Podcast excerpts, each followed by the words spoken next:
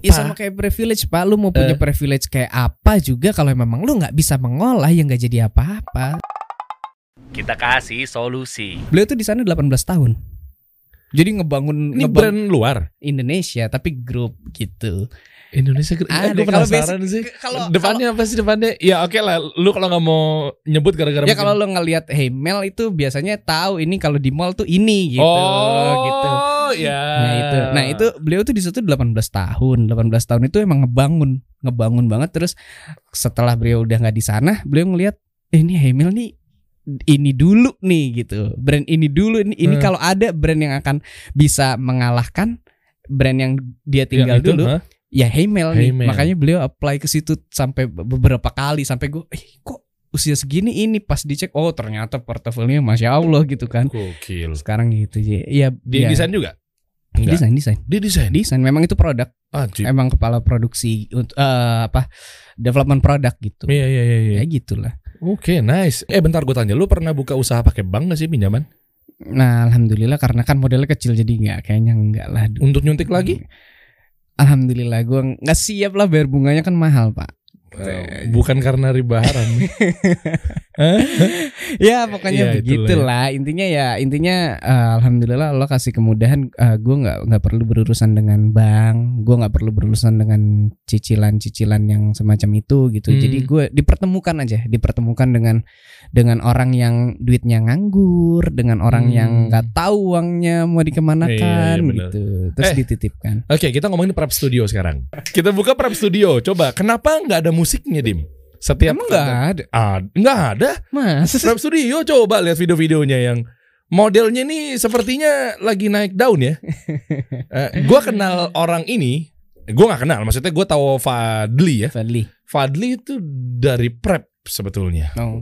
Sekarang jadi ada di kalau mana-mana. gue tuh. kenalnya bukan dari prep Lalu kenal dari? Ya kan belum ada prepnya dulu. Gue Oh. ya model memang. Fadli tuh masya Allah. Jadi memang dulu eh, Fadli ini salah satu icon ya kalau buat gue salah satu pelengkap untuk prep studio ini karena memang face-nya Fadli tuh face yang gue bayangkan memang. Eh, lo udah eh, kenapa lo pilih dia? Karena memang face-nya lu bayangkan Face-nya cocok sama bayang- itu ya. Fadli tuh dari sebelum dari pertama gue foto gue udah bilang sama anak-anak ini rising nih gitu ini rising star nih kayaknya ini ini dia memang dia punya karakter gitu. Untuk face-nya untuk di Indonesia secara Hmm. model gue sih sebenarnya feelingnya waktu itu gue mikirnya ini dia bakalan main film nih. Waktu itu belum belum ada film eh nggak tahu deh sekarang juga belum kayak filmnya. Tapi gue waktu itu mikir kalau Fadli ini nanti suatu saat dia main film nih ini karakternya dapat banget gitu. Karena lo bisa bilang gitu karena kakaknya dan Oh, gua kakak gue ipar bener-bener gue udah jalan dulu baru tahu baru tahu dia Malah adanya Bibi. lucu kok orang, orang waktu kita lagi photoshoot Heeh. anak-anak ada yang ngomong dia mirip nih ada yang mirip nih sama suaminya ini gitu kan Hmm. terus gitu terus dia ketawa dia bilang itu kakak gua gitu Iya. terus kita "Hah, bener bercanda kali gitu kan beneran gitu oh baru tahu jadi gua sama sekali nggak tahu dia Oh, ini ini oke. siapa gitu dan emang oke gitu Iya, Eh, iya. dan dan melekat banget ya dia ke prep ya. kayaknya sih gitu ya Dan soalnya banyak sekarang, eh, dan sekarang jadi naik namanya dia prep ikut naik nggak? oh enggak lah itu enggak enggak Nggak nyambung itu ya? sendiri lah itu sendiri enggak Ah, enggak Oke. Oke, coba kita lihat video random deh, video nih, video reels nih. emang iya ya Iya. Ini kan gue tuh, Tuh. nyalain radio tuh Ya kan gak ada musiknya tapi jangan radio-radio emang emang radio-radio setiap radio harus ada musiknya. Kan tuh maksud gue nggak ada yang jago kali pemainin musiknya jadi nggak usah pakai musik lah Enggak, gue tanya kenapa lo gak pakai musik di prep studio? mungkin karena nggak ada yang jago kali ngedit udah nggak usah pakai musik lah gitu Jangan-jangan lo tahu tentang dalil musik haram. Oke ya. Oke, close, close. Iya kan rata-rata kayak begitu. Iya kan tuh eh, tidak ada insya Allah tidak ada pelanggaran syariat di luar memang misalnya musik atau mungkin eh, wanita-wanita yang ngapain juga brand pria. Kenapa lo bisa? Tuh. Coba bunyiin deh apa sih nih suaranya suaranya? Tuh. tuh ada suara ambience ambience kantor ternyata bikin video advertising tanpa musik bisa loh tuh iya kan tuh iya traffic mobil. Eh ternyata bisa ya? Ya alhamdulillah sih. Alhamdulillah ya tidak menjadi hal yang stigma di luar sana. Kalau mau video advertising yang bagus harus ada musiknya harus ada perempuan biar ngejual. Kata siapa itu pak? Banyak. Oh iya iya iya iya. Lu nggak butuh itu kan? Eh, Alasannya insya apa? Allah sih ya. Alasannya kenapa susah apa nyari yang pa- pas gitu ngerangkum gitu kan? Musik itu harus gimana gitu? Udah nggak usah lah repot lah pakai itu aja lah pakai suara macet aja. Gitu. Oke. Oke nice nice. Jawabannya dia aman sekali ya bapak ini ya. nah, ya banyak ya sehingga akhirnya sekarang udah. Nggak ada yang sadar juga pak. Nggak nggak ada yang ngeh juga gitu. Lu kan beli baju ngapain nungguin itu gitu. Ini anak pinter loh ya. Bagus maksudnya smart. Ya maksudnya eh, eh, ornamen-ornamen itu kan yang lu fokuskan produknya ya produknya bajunya. Itu ternyata kan mereka lebih suka ngelihat detail bahannya dibanding Iya. dengerin ambience-nya gitu Eh, eh, bener bener makanya sekarang kayak begini gitu kan. Eh, lu ngasih mobil ke Arif Muhammad bener apa enggak sih? Ada yang Oh. nitip pertanyaan ke gue gitu loh. ini juga sebenarnya sebenarnya ini ini penting ya eh ya pembelajaran untuk diri gua juga untuk teman-teman di luar gimmick tuh menurut gua ya gak boleh bohong pak. Iya betul. nggak boleh bohong. Setuju. jadi kalau lu bilang dikasih ya lu beneran harus ngasih. Kalau lu bilang iya itu terlepas dari ini mobil ini buat Mas Arif kalau bikin konten tuh jangan bohong gitu.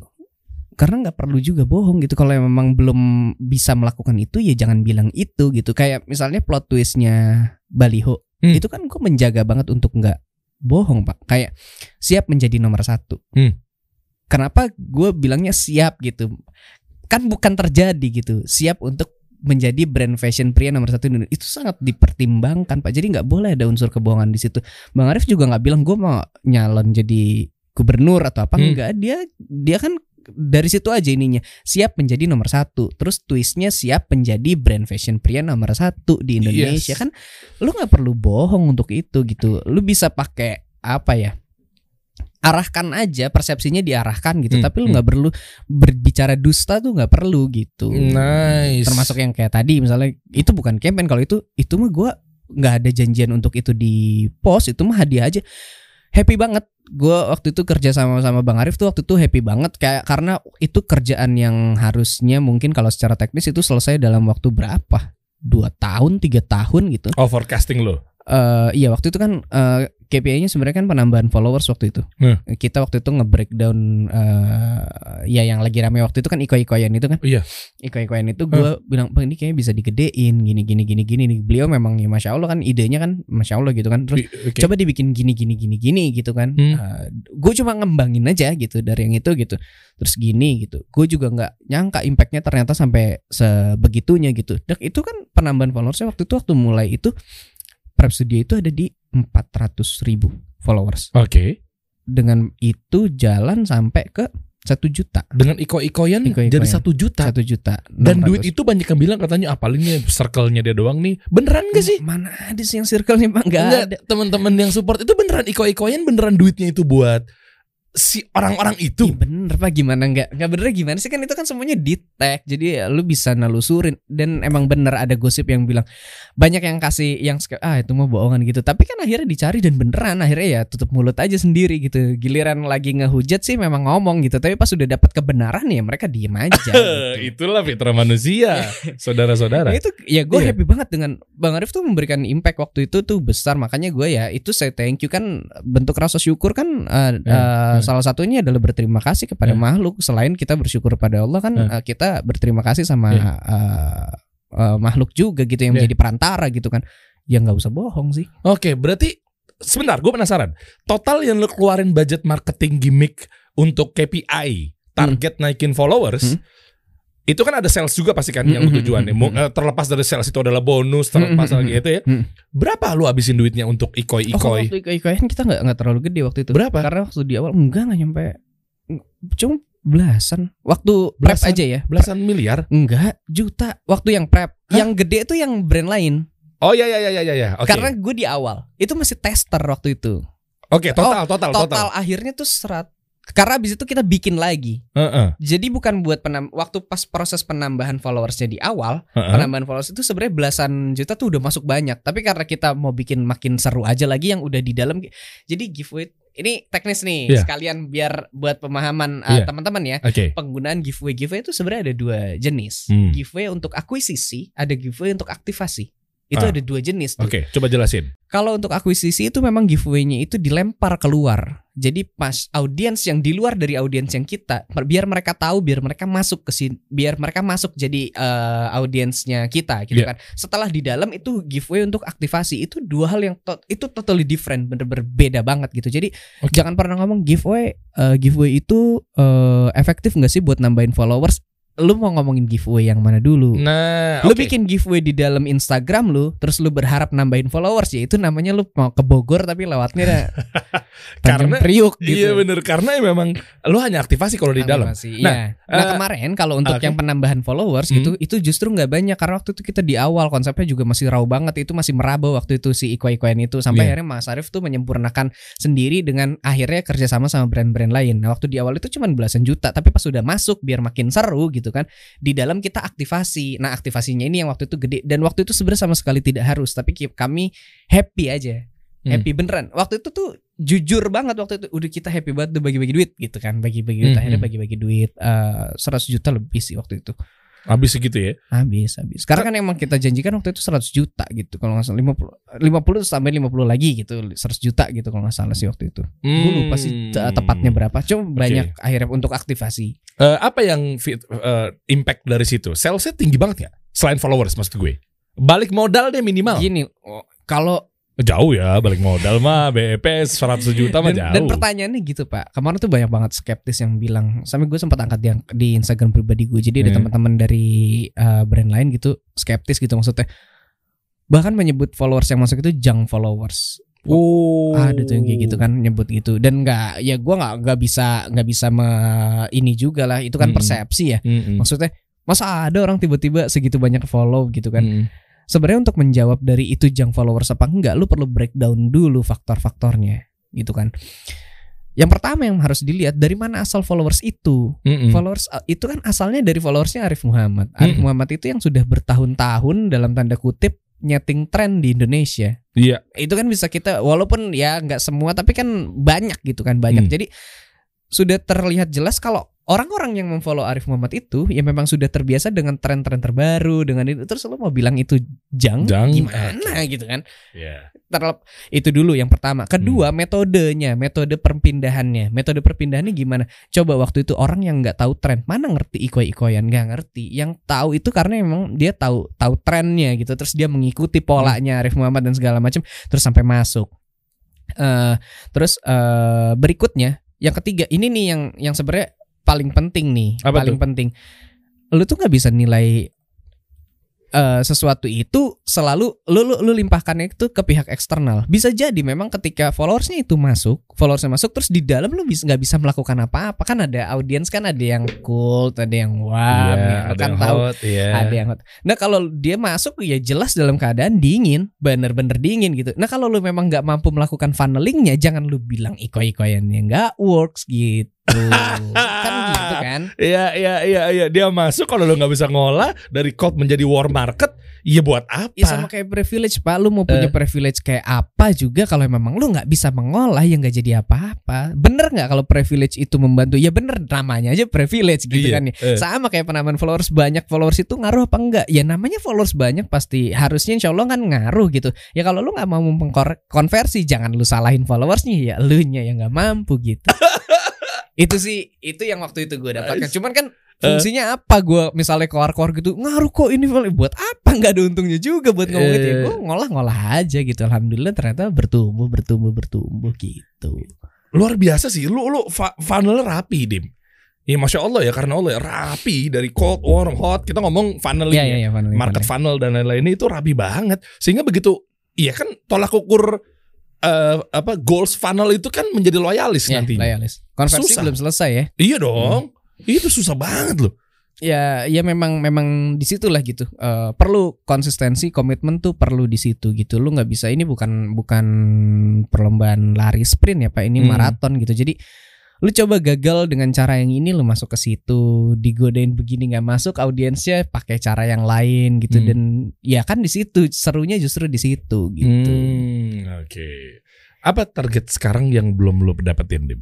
target Iya, iya mungkin lo udah banyak banget sekarang. Eh, ada satu yang belum lo dapetin karena memang dengan sekarang valuasi lo udah ya karena Allah segitu gitu kan. Apa sih yang belum lo punya gitu sampai kini? Nggak harus materi ya. Eh, materi boleh. Dua deh, materi dan non materi. Yang memang Kalau sifatnya- materi ya, Iya, oke. alhamdulillah gue bener-bener gue nggak pernah kebayang pak punya punya Allah titipkan segini tuh nggak nggak kebayang. Repotnya justru eh, harus dikemanain karena kan ya kan kita sama-sama tahu kan ada hisapnya dan segala Iya. macam. Jujur aja sekarang agak ribetnya, agak susahnya. Hah? Ya untuk menggunakan itu sesuai dengan apa yang seharusnya gitu. Itu Ternyata susah. kelebihan. Dan susah loh pak. Susah ya? Su- Susah pak. Ternyata kalau oper ke gue juga nggak apa-apa. Satu dan kedua katanya mau bikin giveaway ya hari ini ya. Hah? Mungkin bisa buat giveaway buat penonton. Ya, Mau? ya kalau Coba. mau dibuat ya silahkan aja. Oh, coba buat kasih solusi. Kalau lo mau, gue nggak mau jadinya. Eh tapi gue nggak tahu metodenya gimana yang aman, yang ini segala macam gue Iya monggo. Kalau lo mau ngasih hadiah kan kalau Mungkin nanti abis ini kalau mau dibikin di luar di caption atau segala macam ya boleh lah. di komen silakan. di description YouTube kan bisa. Iya tulis di silakan, kolom komen. Silakan. Cuman gue belum kepikiran Ya. kalau untuk metodenya. Nanti kita Tapi itu ngobrol. bener kalau kalau kalau ditanya targetnya sebenarnya target untuk eh, me- me- menggunakan apa yang Allah titipkan ini untuk Hmm. eh, yang benar gitu. Itu itu sus- susah Pak, bener. susah ya. Susah. Nih, nih, ini sesederhana gini aja nih. ya. Eh, buat gue yang bodoh ini ngitung zakat yang presis itu susah Pak. Ditanya Ustadz banyak. Eh, Kan metodenya. Eh, Tapi nge- ngepik ngepik yang dari sini gimana itu susah Pak. Kalau Anda kebanyakan sih. Buk, ya bukan gitunya gitu. Itu susah, itu susah. Iya. Jadi kalau kalau kalau ditanya targetnya, gue pengen deh bener-bener bisa Allah kasih ilmu untuk untuk gue bisa mengelola ini secara baik. Jadi gue gue berdoanya ya Allah kasih gue ilmu untuk bisa mengelola ini sesuai dengan yang Allah mau itu gimana gitu. Oke. Karena gue dengan usia yang semuda ini eh, salah satu Ustadz eh, kasih nasihat kalau Allah tuh ngasih apa ya titipan Allah ngasih kesempatan Allah ngasih eh, sesuatu apa hidayah atau apa segala macam di usia semuda ini tuh bukan tanpa alasan gitu karena. Allah bisa aja ngasih nantinya di usia 45 bisa Iya, aja ngasih iya. di- kenapa dikasih semuda kan nggak mungkin cuma buat kamu senang-senang doang tuh nggak mungkin Oke, pasti berat. ada alasannya gitu kan Iya dong. di situ kan ya yang yang bener-bener bikin oh, oke berarti PR-nya sekarang udah bukan lagi kalau itu sambil berjalan aja lah terkait sama terus beraktivitas tumbuh itu sambil berjalan aja. Nah PR-nya adalah semakin eh, gimana caranya gue bener-bener menggunakan ini sesuai dengan yang eh, Allah kira-kira mau gue lakuinnya apa sih? Ya itu itu Hmm. gue saat ini tuh masih ngawang deh. Ya terus kita terus melakukan tapi gue ngerasanya masih jauh. Sejauh. masih jauh. Berapa umur lo sekarang? eh gue 93 sekarang du- dua mungkin tahun eh tahun ini kalau sampai ya 29 29 Gue pengen motivasi teman-teman. Anda umur 29 tahun udah ngapain aja? mungkin sudah lebih banyak dari apa yang saya lakukan. Oh Masya Allah. Jadi- Gue nanya begitu kan bukan berarti harus negatif. Iya dong itu Bukan dong. berarti gue harus mendiskriminasi. Lu pikirin 29 tahun lu udah ngapain sekarang? Sudahkah seperti Dimas atau lebih? oh lebih lah insya Allah Insya Allah harapan kita begitu kita doain buat teman-teman kita Amin. yuk kita bantuin buat para UMKM Muslim dan Hmm. lain sebagainya kalau bisa melebihi Dimas dan yang lain-lainnya. Tapi yang jadi pertanyaan ketika ada di bawahnya Dimas, coba lo gali lagi. Iya dong, mudah-mudahan bermotivasi. Dim, thank you Dim ya. terima kasih Pak Dery Luar biasa. Jadi berapa miliar yang udah didapetin?